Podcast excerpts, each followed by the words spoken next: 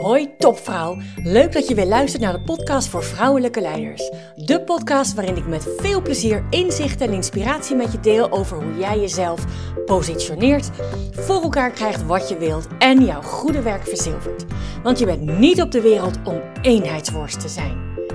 Ontdek hoe je tot in je tenen voelt wat voor een geweldige vrouw je bent. Hoe je op alle vlakken van je leven regie pakt. En natuurlijk hoe je dat allemaal positioneert, zodat je jouw goede werk verzilvert.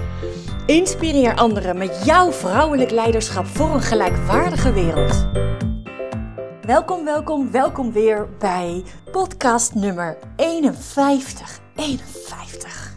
Yo. Ik heb in de afgelopen zes weken meer podcasts opgenomen volgens mij dan de twee, drie jaar daarvoor. Vandaag neem ik je mee in de laatste uit de categorie het verbeteren van mijn vrouwelijk leiderschapsprogramma Positioneer jezelf.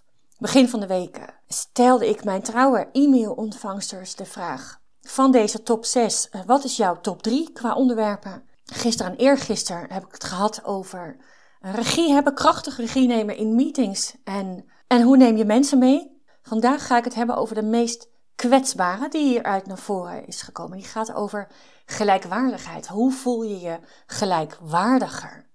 Hoe voel jij jezelf gelijkwaardiger? Die gelijkwaardigheid, dat is, natuurlijk, dat is natuurlijk mijn thema. Dat is waarom ik doe wat ik doe. En ik doe dat niet voor niets, omdat ik heel anders naar mezelf heb gekeken en me daardoor eh, minder waard voelde denk dat ik het nog steeds wel tegenkom in bepaalde situaties. Ik heb het ook heel erg meegemaakt in uh, het geld, hè, in de tarieven, in mijn eigen tarieven. Hoeveel vraag ik voor een programma? Hoeveel vraag ik voor een training? En uh, mezelf daarin, denk ik, uh, onderschat. En misschien nog wel, dat weet ik niet. Maar als dat zo is, dan komt dat vanzelf. Precies, dit is wat, wat de wereld nog wel wat meer kan gebruiken. Hè? Gelijkwaardigheid en dan, ik denk op heel veel vlakken, maar waar ik een verschil maak, wil maken, is uh, gelijkwaardigheid tussen vrouwen en mannen. Uh, op alle gebied, in werkgebied, uh, maar zeker ook, ook thuis. Om ervoor te zorgen dat vrouwen veel meer dan zij nu doen de plek innemen. Dat jij veel meer dan je nu doet jouw plek inneemt. En staat voor wie je bent, wat je waard bent. En, en natuurlijk is dit dus, is die gelijkwaardigheid een belangrijk onderdeel in, in al mijn trainingen, al mijn programma's dat is iets wat je niet, we doen één sessie en hoe, ik voel me nooit meer kleiner. Nee, zeker niet. Dit is een proces.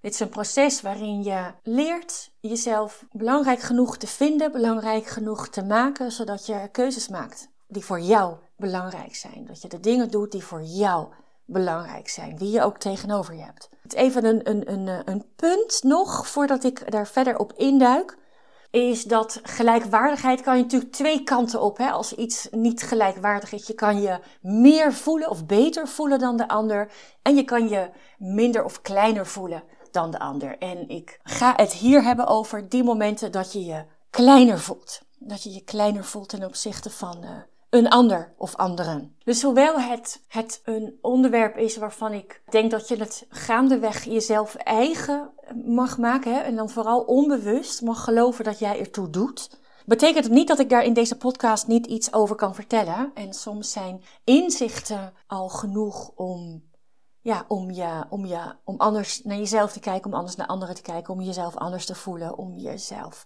ja, gelijkwaardiger te voelen. Als je kijkt naar de gelijkwaardigheid hè, en hoe we onszelf als vrouw, niet altijd, niet iedereen, maar wel vaak, te vaak als je het mij vraagt. En zeker als je het vergelijkt in, uh, ja, ten opzichte van, uh, van mannen. Het is niet zo raar dat wij, dat het heel gemakkelijk is om jezelf kleiner te maken. Dat je jezelf kleiner voelt, dat je jezelf niet gelijkwaardig voelt in een, in een gesprek of zo in contact met mensen. Want als je kijkt naar de, ja, naar de geschiedenis, we mochten niet studeren, we mochten niet stemmen, we mochten niet in de, in de politiek. In de, zelfs in de jaren zeventig stond nog in het wetboek opgenomen dat we als vrouw, als getrouwde vrouw, te gehoorzamen hebben aan onze man. Dus er is, er is lange tijd een systeem geweest waarbij we als vrouw ja, minder gemaakt werden. We werden als vrouw ja, niet als, als uh, gelijkwaardig gezien. We werden als vrouw juist als, als minderwaardig gezien. We hadden niet een volle plek in de maatschappij. Er zijn heel veel dingen, zijn ons heel veel dingen ontnomen, puur en alleen om het feit dat we vrouw zijn. Dus het is ook niet zo heel gek dat dat eh, zo is. Dat zit in de, in de systemen. Dat is systemisch, is dat zo groot, is dat zo groot geweest door de eeuwen heen. En inmiddels hebben we de mogelijkheid om van alles te doen, hè. We zijn, worden niet meer tegengehouden, in ieder geval in, in, in, in feitelijk niet. Hè. Er kunnen natuurlijk nog weer allerlei andere systemen zijn waardoor je tegengehouden wordt om bijvoorbeeld te gaan studeren of te gaan stemmen als vrouw. Maar in het grotere geheel heeft feitelijk gezien elke vrouw kan ze de kansen benutten die zij. Uh, kan ze volwaardig meedoen aan, aan de maatschappij, laat ik het even zo zeggen. Maar als je kijkt hoe hard daarvoor gevochten is, hoeveel vrouwen daarvoor hebben op moeten staan en nog steeds opstaan, hè, het is ook niet zo gek dat, we, dat zoveel vrouwen daarom denken van, joh, ik doe dit wel. Ik doe dit wel. Maar, weet je, er komt een moment, ik weet niet wanneer, maar er komt een moment dat ik door de mand val.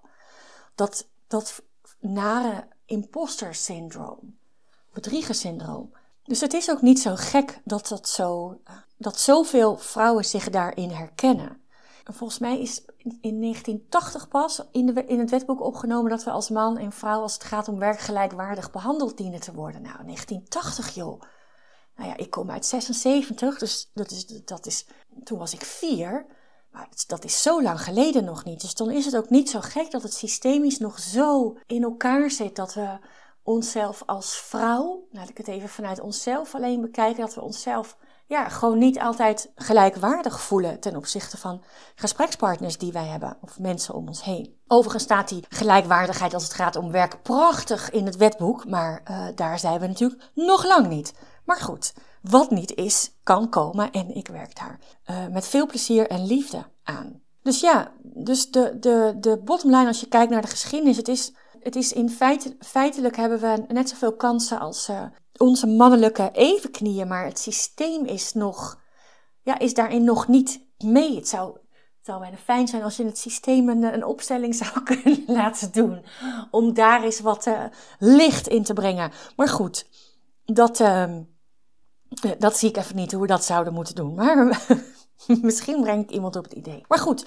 dan nog, uh, dan nog doe je zelf ook iets dan nog door jezelf ook iets. Kijk, dat het, dat het zo is, dat het herkenbaar is, dat voor veel vrouwen dat je je kleiner voelt in, in bepaalde situaties. Of als, als mensen nog niet van je hebben gezien dat je gewoon echt een topwijf bent in wat je doet. Maar er is iets wat we zelf ook doen. En dat is uh, aan de ene kant uh, irritant, maar aan de andere kant is het ook heel fijn. Want over jezelf heb je veel meer regie dan over ja, een heel systeem door de eeuwen heen. Want hoe wij gezien worden, hoe wij gezien willen worden. En dan heb ik het niet over gezien willen worden vanuit je eigen authentieke zelf, maar dan heb ik het over vanuit je ego. Je ego probeert een plaatje hoog te houden waarin het denkt dat het aan moet voldoen. Dat je op die manier gezien moet worden door andere mensen. Dus jouw ego is de drijvende kracht achter het feit dat we onszelf niet alleen vaak kleiner voelen, eh, maar ook kleiner maken. Dat we onszelf kleiner door voordoen.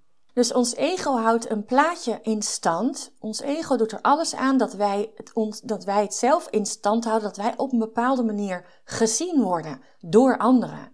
En het ego gebruikt daar bijvoorbeeld regels van een systeem uit. Dus dat je, ja, dat je niet een, een grote mond mag hebben, dat je niet boos mag worden als vrouw, dat je niet eh, het van de daken mag schreeuwen, dat je dan een arrogant mens bent dat je, nou, het ego houdt dus op die manier van alles in stand, omdat dat uit alle macht probeert te voldoen aan hoe het denkt dat het gezien moet worden.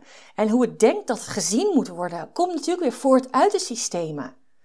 Dat we al, al jaren, jaren en eeuwen door de eeuwen heen minderwaardig gemaakt zijn. Door de omgeving, door het systeem, door, door allerlei situaties. En precies dat ego zorgt er dus ook voor dat jij je gewoon lekker klein voelt, lekker, volgens het ego lekker, want als jij je klein voelt, dan zul je het wel laten om een grote mond op te zetten als, als iets over je grenzen gaat. Het ego zorgt ervoor dat jij, ja, precies doet wat een good girl, een good girl, dan heb ik het maar eventjes over wat dan de systemische uh, ontstaan is eh, van hoe je je als vrouw hoort te gedragen. Het ego zorgt ervoor, jouw ego zorgt ervoor, mijn ego, ieders ego zorgt ervoor dat je uit alle macht probeert te voldoen aan hoe je denkt je te moeten gedragen, hoe je denkt dat je gezien zou moeten worden. En natuurlijk mag je niet gezien worden als, als de vrouw die gewoon glashelder een punt maakt over iets, die het volledig valikant met iets niet eens is. Nee, dat is precies waarin we heel vaak tegengehouden worden. Wij, wij maken niet ons punt van, wat, dit salaris, kom op, doe eens even normaal. Daar moet minstens 25% bovenop. Nee, dat doen we niet, want dat hoort niet. Want daarmee voldoe je niet aan die, die vrouw zijn die zich door de eeuwen heen heeft moeten aanpassen aan wat voor haar besloten werd. Niet door haar, maar voor haar. Of ze het nou leuk vindt of niet. Ik denk dat er zoveel vrouwen zo dood en dood en dood ongelukkig waren omdat zij zoveel kracht en kennis en, en, en van alles in huis hadden, maar dat niet tot uiting mochten brengen. Nou, dat, dat, is, dat is killing. Dat is killing. Wat heeft je leven dan voor zin? Bijna. Dus nou goed, en dat, en, en precies dat, dat is wat je wel, waar je wel de regie over hebt. Dus weet op het moment dat je je kleiner voelt, en of dat nu is omdat iemand een grote mond opzet. Of dat, dat iemand is die drie schalen hoger zit dan jij. Of dat dat iemand is die vier universitaire studies afgerond heeft met succes. Of één, whatever. Dat maakt niet uit. Jouw ego zorgt ervoor, jouw ego zit erachter en zorgt ervoor dat jij je kleiner voelt in zo'n situatie. En nogmaals, niet, niet voor iedereen, niet in elke situatie. Maar in, in sommige situaties wel. En op het moment dat je weet dat dat aan het gebeuren is, weet dan niet dat het jouw echte zelf is. Want die is gewoon krachtig. Die is niet bezig met het in hokjes stoppen van mensen. Want je stopt natuurlijk als jij je minder waard voelt in plaats van gelijk waard voelt, van gelijke waarde voelt. Dan komt dat niet uit jouzelf. Want jouw, jouw eigen authentieke zelf, die is niet bezig met mensen in hokjes stoppen. Die is niet bezig met mensen in hogere of lagere hokjes. Of is meer waard of is minder waard hokjes te stoppen. Allemaal onbewust, hè. Ik maak het nu heel concreet. Zo concreet, ja, gebeurt het, speelt het allemaal in jezelf af. Maar weet dat jouw, ja, jouw ego daarachter zit en jouw authentieke zelf daar, ja, die vindt daar helemaal niets van. Die is oké, die zorgt ervoor dat je gewoon jezelf bent. Op het moment dat je jezelf bent, ben je op je krachtigst. Ja, dus wat je heel concreet kunt doen als je merkt dat het bij je aan het gebeuren is, je bewustzijn van wat erachter zit, dat het niet jij het bent. En dat er dus ook eigenlijk geen enkele aanleiding is om je zo te voelen.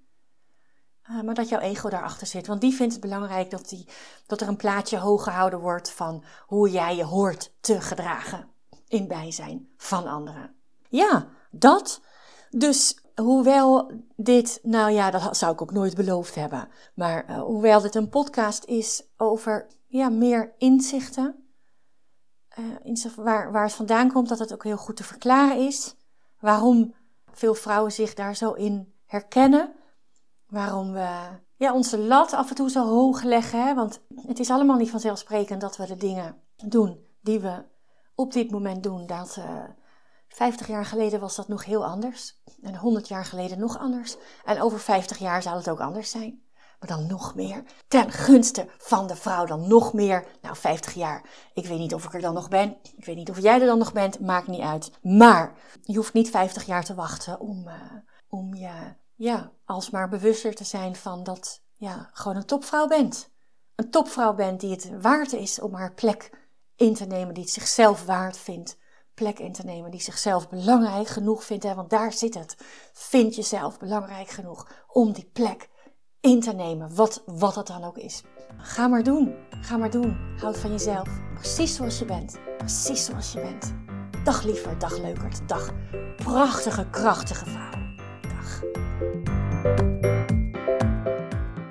Dank, dank, dank voor het luisteren. Help ook mij zichtbaar te maken. Dat doe je door deze podcast te delen met een collega, een vriendin, in een groepsapp of helemaal super op LinkedIn. Leuk om je daar te zien. Dag!